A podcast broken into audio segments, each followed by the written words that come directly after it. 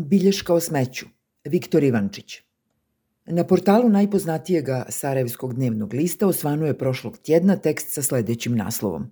U Zenici izvedena sramna predstava srbijanskog redatelja. Reagovao klub zeničkih intelektualaca. Ispod tog naslova prostro se poduži nacionalistički pamflet, klasični poziv na linč u kojemu se nekakav klub zeničkih intelektualaca, sudija Gradiša, teškim kvalifikacijama i imbecilnim argumentima obrušio na Zlatka Pakovića i njegovu predstavu Grobnica za Borisa Davidovića, kakvu je danas gradimo. Njihovo saopćenje prenosimo u cijelosti, napominju na portalu. Urednički destilirani podnaslov glasi ovako.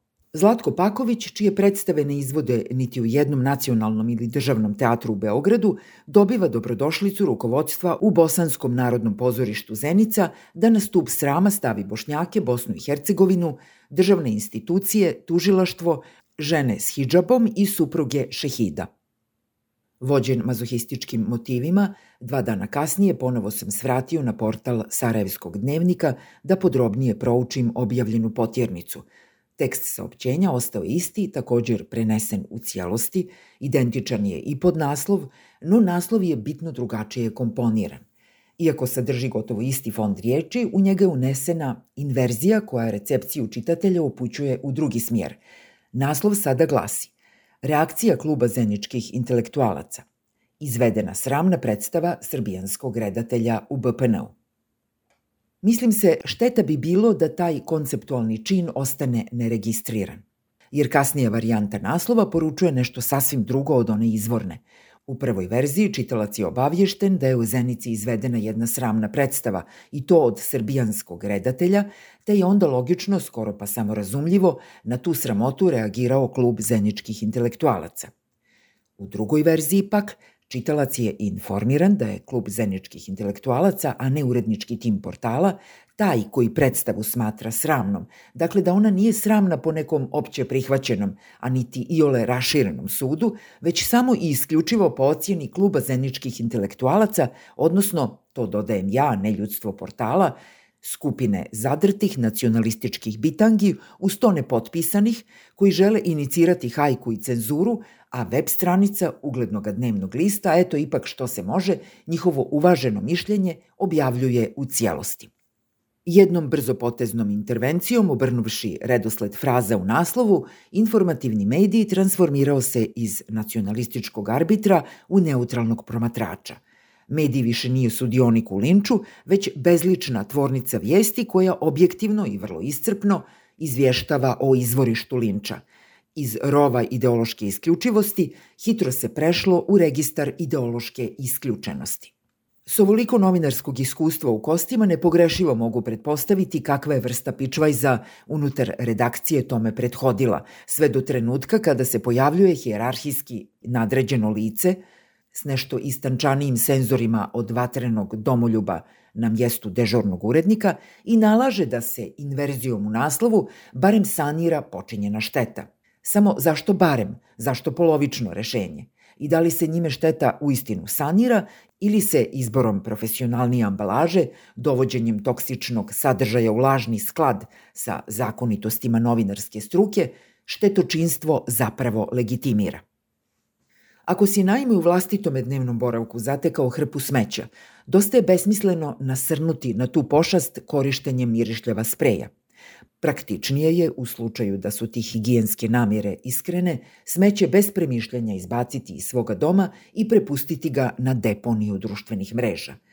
Ni tamo mu do duše nije mjesto, ali barem neće biti u dodiru s prostorom koji se vezuje uz novinarstvo i pripisuje si misiju odgovornog javnog informiranja.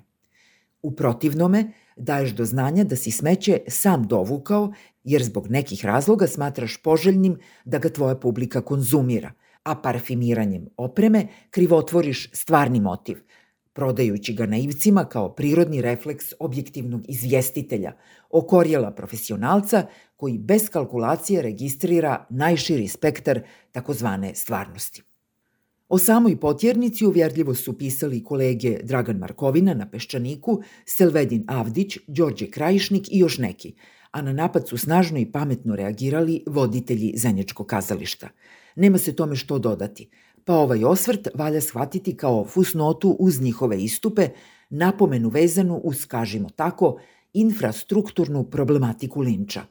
Tko god je pogledao neku predstavu Zlatka Pakovića ili pročitao neku njegovu dramu, dobro zna da zdrug zeničkih nacionalista besramno obmanjuje javnost – Meni je Zlatkov opus poznat prilično dobro, napisao sam i predgovor njegovoj sjajnoj knjizi, gde je navedeno i to da ovaj jedinstveni putujući umjetnik, za razliku od skoro svih drugih, nema običaj podilaziti sredini u kojoj određenog trenutka djeluje. Avdić zenički pamflet opisuje kao čistu laž, potvoru i amaterski pokušaj diskreditacije, ali i upozorava na to da je tek kada su saopćenje počeli prenositi mediji, brbljarija dobila na težini. Uz prigodnu uredničku obradu pretvorila se u hajku, ozbiljnu akciju da se jedan ugledni umjetnik nazove neprijateljem nacije, države i tko zna čega još, a jedna pozorišna kuća proglasi izdajničkim gnjezdom koje što prije treba staviti pod kontrolu. Od tada obskurni klub anonimnih intelektualaca koji ima tačno pet pratilaca na službenoj stranici mutirao je u utvrdu nacionalnih stražara. Takvim prizorima kada intelektualni polusvijet dobiva svojih pet minuta slave pozirajući s nožem u zubima, svjedočili smo u bezbroj navrata. Sarajevski dnevni list u paketu sa svojim portalom nikako nije jedini koji pruža logističku pomoć i omogućuje promociju patriotski nabrijanih jurišnika, niti to čini češće od ostalih.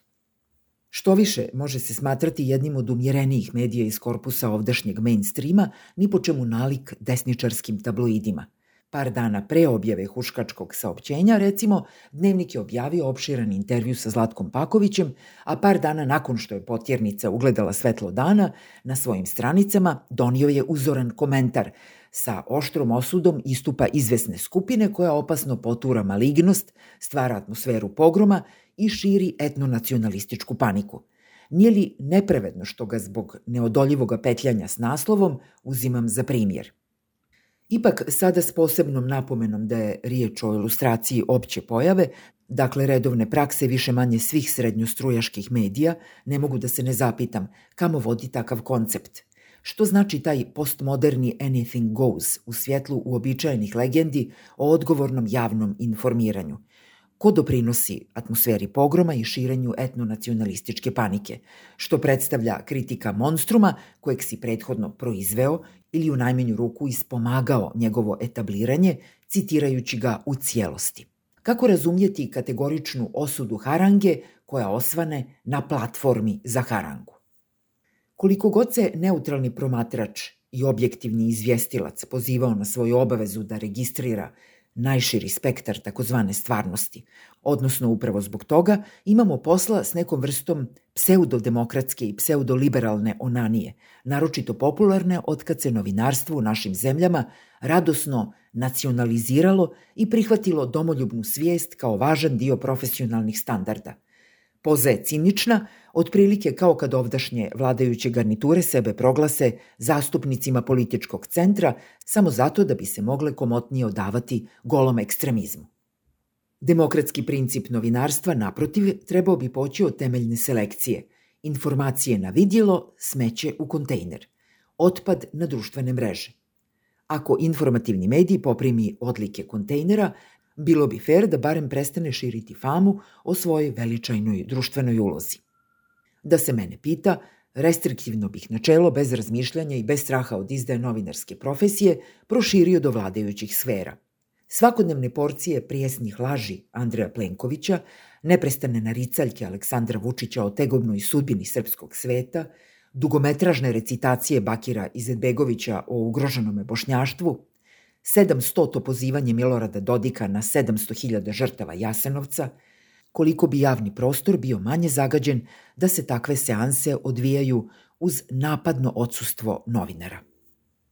Osim kada su zloupotrebljene kao izgovor, ni zanatske ni demokratske norme ne obavezuju medije da otvaraju prostor fantomskim skupinama fanatika koje, pod firmom skrbi za državu i naciju, prizivaju dobre stare staljinističke metode o čemu u ostalom govori i Pakovićeva predstava.